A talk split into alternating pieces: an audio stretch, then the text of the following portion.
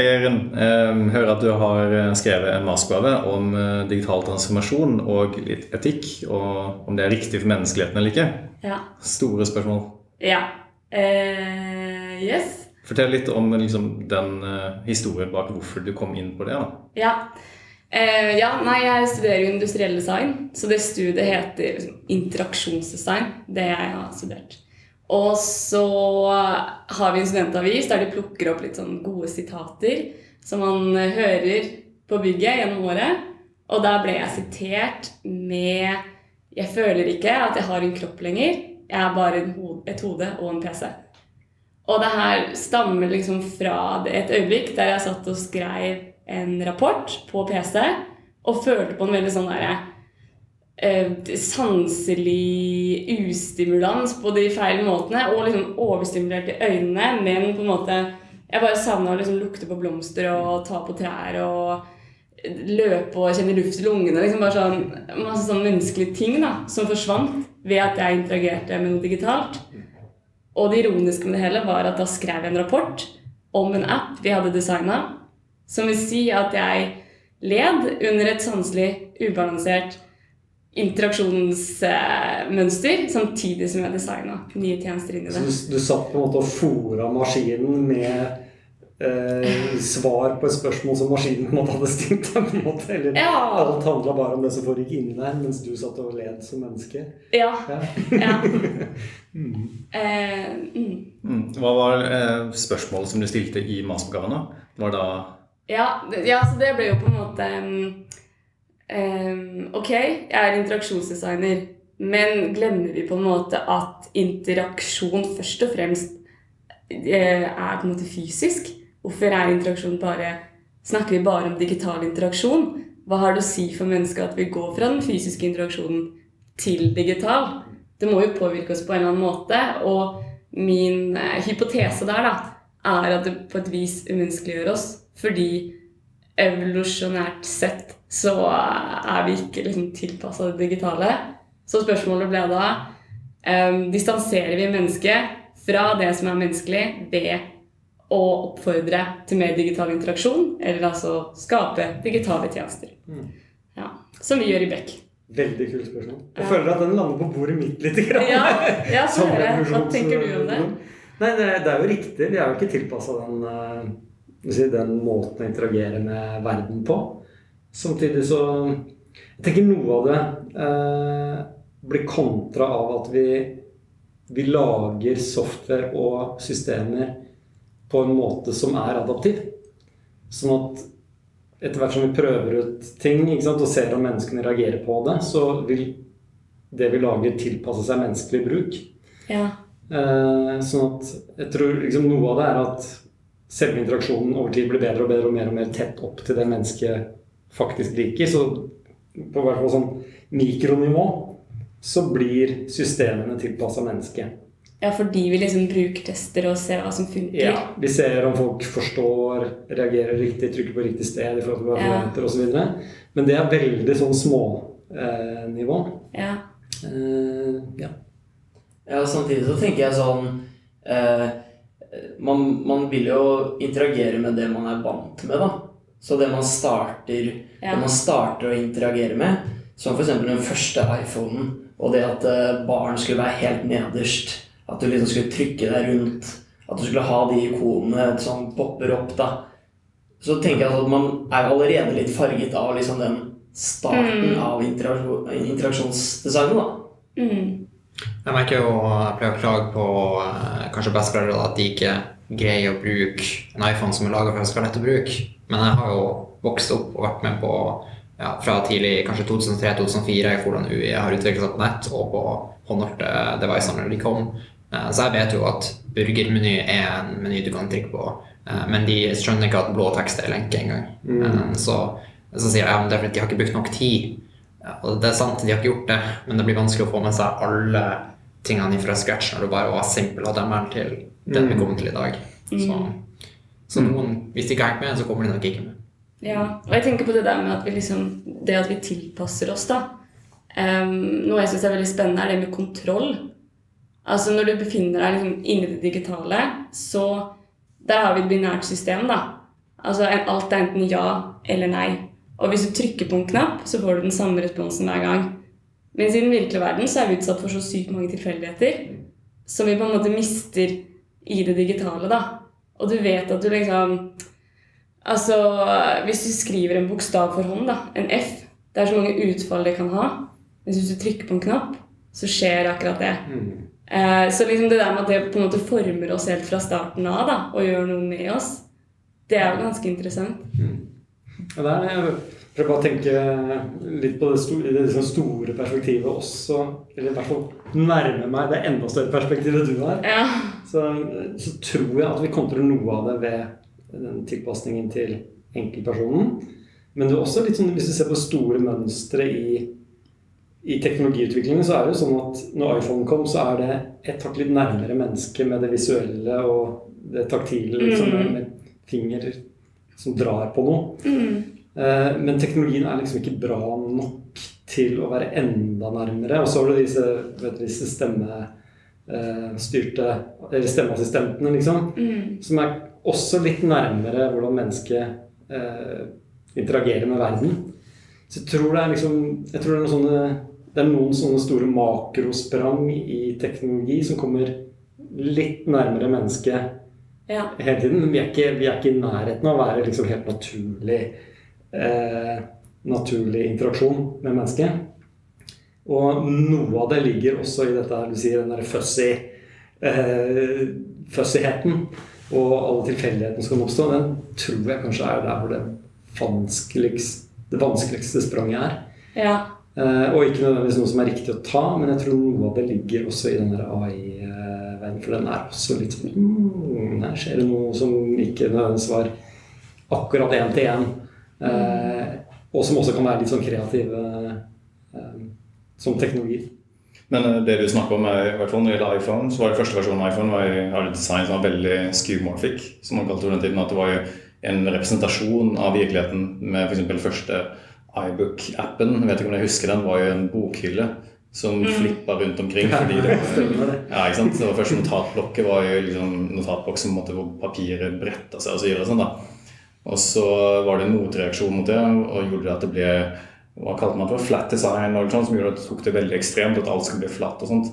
Eh, Så det kan godt hende at det stemmer at vi er i en sånn uncanny valley med at vi eh, foreløpig Det blir liksom rart når teknologien eller det digitale ligner for mye på det fysiske som vi kjenner, som gjorde at skymorphism har dødd. Og så blir det også litt sånn eh, Så må vi på en måte motkompensere litt, da. Ja, nå har vi jo snakket om at, eller det har blitt nevnt at vi kommer, det digitale kommer nærmere sånn vi oppfører oss til vanlig. Eh, Men jeg har merket at det skjer jo motsatt også. At eh, hvis jeg, jeg leser litt på Kindle eksempel, og da kan du trykke på et ord for å få en definisjon av hva det ordet betyr. Så jeg har merket ofte at hvis jeg leser en fysisk bok, så tenker jeg at nå kan jeg trykke Ja. på det. Ja. så er det, det er sånn at det er ikke bare det digitale som kommer nærmere oss, men det påvirker også oss og forandrer hvordan vi oppfører oss til vanlig. Mm. Ja. Definitivt. Jeg har tatt meg selv i at når jeg leser en fysisk avis, når de få gangene har skjedd, så ser jeg på toppen av avisen for å se hva klokka er. Nei, det er ikke bra. Men ja, igjen så er det sånn eh, Ja, som du snakker om at det var en bokhylle, og du kunne liksom interagere på den måten. Men jeg tror ikke det at det er et design som om det er virkelighet, er jo ikke det samme som at Fordi du interagerer jo helt annerledes. Du sitter jo med fingeren din og trykker på en bok, og, og så skal den liksom poppe ut av, av bokhylla, da. Og sånn er det jo ikke eh, i den virkelige verden. Så det er litt sånn du som du sier, at eh, det går liksom på det derre Den interaksjonen som er helt annerledes, selv om det på en måte skal fremstå eh, likt, da. Mm. Ja, Men eh, vi lagde jo Altså, vi har jo gamle verktøy før i tida, sånn i menneskets historie, eh, som vi ikke bruker nå lenger fordi vi har funnet nye verktøy som er bedre å bruke. Og da er det noen som har funnet ut at hei, dette var et bedre design. Og det var vi jo ikke vant til da, men vi tar det jo fint at vi liksom skal bruke eh, kniv og gaffel eller spisepinner istedenfor å bruke hendene til å spise ting. Um, så at vi designer nye teknologiske løsninger som er nye vi ikke vant til, trenger jo ikke være noe dårlig. Ja. Men der har du på en måte sånn, Når du går fra det fysiske til det digitale, da Det er det overgangen der jeg syns er interessant. Um, og at det, ja, det dere var litt inne på, da, med å liksom trykke på avisa og Jeg har liksom tatt og liksom prøvd å gjøre noe større på en måte med fingrene, som om det er en iPad. Eh, eller f.eks. angreknappen. Mm. Eh, når jeg tegner, altså jeg savner det så veldig da, fordi det er det er ikke gærent. Um, så er det liksom, når vi ikke har teknologien til å holde oss i hånda lenger, da, så blir vi liksom hjelpeløse. Ja.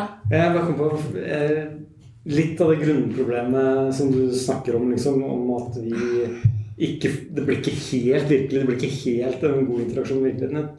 Det er litt vanskelig å sette ord på det, men jeg tror det er mye av det samme som skjer i denne overgangen vi er nå fra å være på hjemmekontor og interagere med andre mennesker digitalt, og den fysiske tilstedeværelsen på kontoret.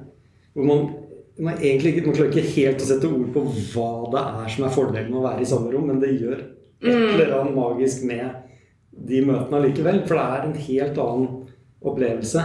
ja. Og så kan man kontre med liksom mer og bedre verktøy med liksom applaus og eh, interaksjon. Er Masse nye elementer da, i, i Teams.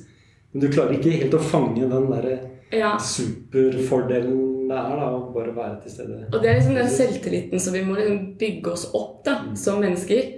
Og ikke være liksom team maskin, men team human. Og liksom være sånn Shit, vi er fantastiske skapninger, og vi har så mange evner til å å forstå rommet eller andre mennesker rundt oss på sånne små ting, da. Eh, og så istedenfor så bare retter vi oss etter Eller sånn Jeg tror det handler litt om de verdiene man har i samfunnet, som i stor grad er på en måte effektivitet og penger, f.eks. Hva er det som er effektivt? Jo, det er liksom en algoritme som går gjennom tusentall. da. Men eh, Og så glemmer man på en måte den verdien som finnes i liksom den der taktile interaksjonen. da. Og det som er så menneskelig og tilfeldig og Ja. Jeg har lyst til å stille spørsmål. Eller jeg tror det jeg er inne på å skjønne hva du mener. Eh, Vi hadde en Og veldig konkret eksempel. da. Jeg jobba i en bitte liten eh, eh, organisasjon som hjalp gründere. Det var en non-profit som satt på Forskningsparken. Og det var også en avdeling et annet sted i landet. Den andre avdelingen hadde veldig lyst til å ta den prosessen vi hadde for å hjelpe gründere, og lage en eh, mal for det. Eh, hvor man kunne dele kontakter, man kunne liksom si hvor i løypa ligger hver gründer, og liksom strømlinjeforme hele greia. Eh, og så var vi fire stykker på det andre kontoret, og vi, var liksom, vi håndterer mange flere. Vi hadde større nettverk, og vi var liksom de proffe. Uh, og så kom det valget av den teknologien vi skulle bruke. Hvor det ene da sa at her har vi lagd alle malene, alt ligger klart, la oss bare bruke den. Mens jeg foreslo å bare holde oss til Gmail på den andre, fordi den jobben vi gjorde, handlet om de menneskene vi møtte, og de relasjonene vi skapte. Og det gjør vi mennesker veldig mye bedre enn Mm. maskinen. Så hvis vi skulle prøvd å gjenskape den sosiale relasjonen, eller de sosiale relasjonene vi hadde, og putte det i en maskin, så hadde vi ikke fått noe ut av det. Det hadde bare blitt en sånn hassle i forhold til det å faktisk ja. skape de relasjonene. Mm. Og det, det tenker jeg som du sa, er kjempeviktig når man snakker om en brukerreise. da. Ikke bare se på den biten som handler om fra mennesker liksom sitter foran PC-en, begynner å klikke og er ferdig med reisen. Og da har du liksom, da har du kommet fra start til mål. da. Men hva er det som skjer rundt det, og hvordan kan vi heller bygge rundt det på en måte, det møtet mellom mennesker? Og så skal vi la det få masse verdi, og det gjør en stor jobb av løsninger, f.eks. Og så kan man heller liksom støtte opp med noe digitalt rundt. Kan, være, kan løsningen her være å tenke litt mindre grådig når du tenker de, de, de digitale løsningene? At du ikke skal liksom gjøre alt, men du skal liksom overlate noe til Ja, mennesket å fylle? ja fordi du har tro på mennesket. Ja. Ja. Du snakker mye da altså om interaksjon, altså hvordan kan bruke teknologien.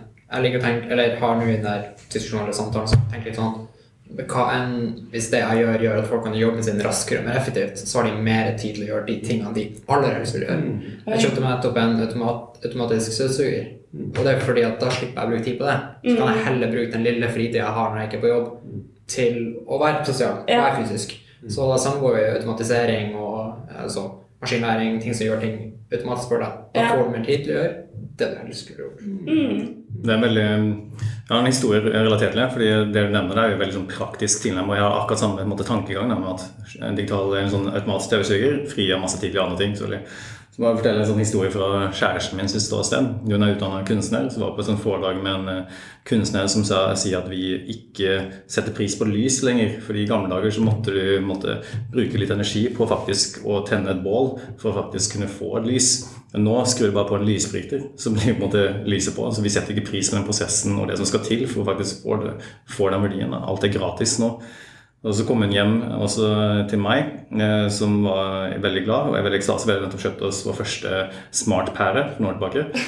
Og fortalte henne at eh, for å skru på lampa nå, så må du installere den appen her. Og så må du eh, den bruker, og så må jeg invitere deg til hjemmet vårt. Og så kan du prøve å åpne og skru på lampa. Så ikke alt er borte bare fordi vi går til digitale. Ting blir noe mer slitsomt. Men eh, vi må begynne å avrunde nå. Jeg tenker at En ting som har veldig interessant å fortsette med, kanskje, hvis du har lyst, da, er jo det vi snakker om eh, Vi har snakket mye om måte, det mennesket og måte, mikrointeraksjonene, og hvordan mikrointeraksjonene blir nærmere menneskeligheten, eller mennesket blir nærmere det. Det andre er jo hvordan mennesker navigerer i en digital verden, som egentlig er designet av andre mennesker, Ja. versus eh, en ekte verden som ikke er designet av noen. på en måte. Mm. Vi tar det i neste episode.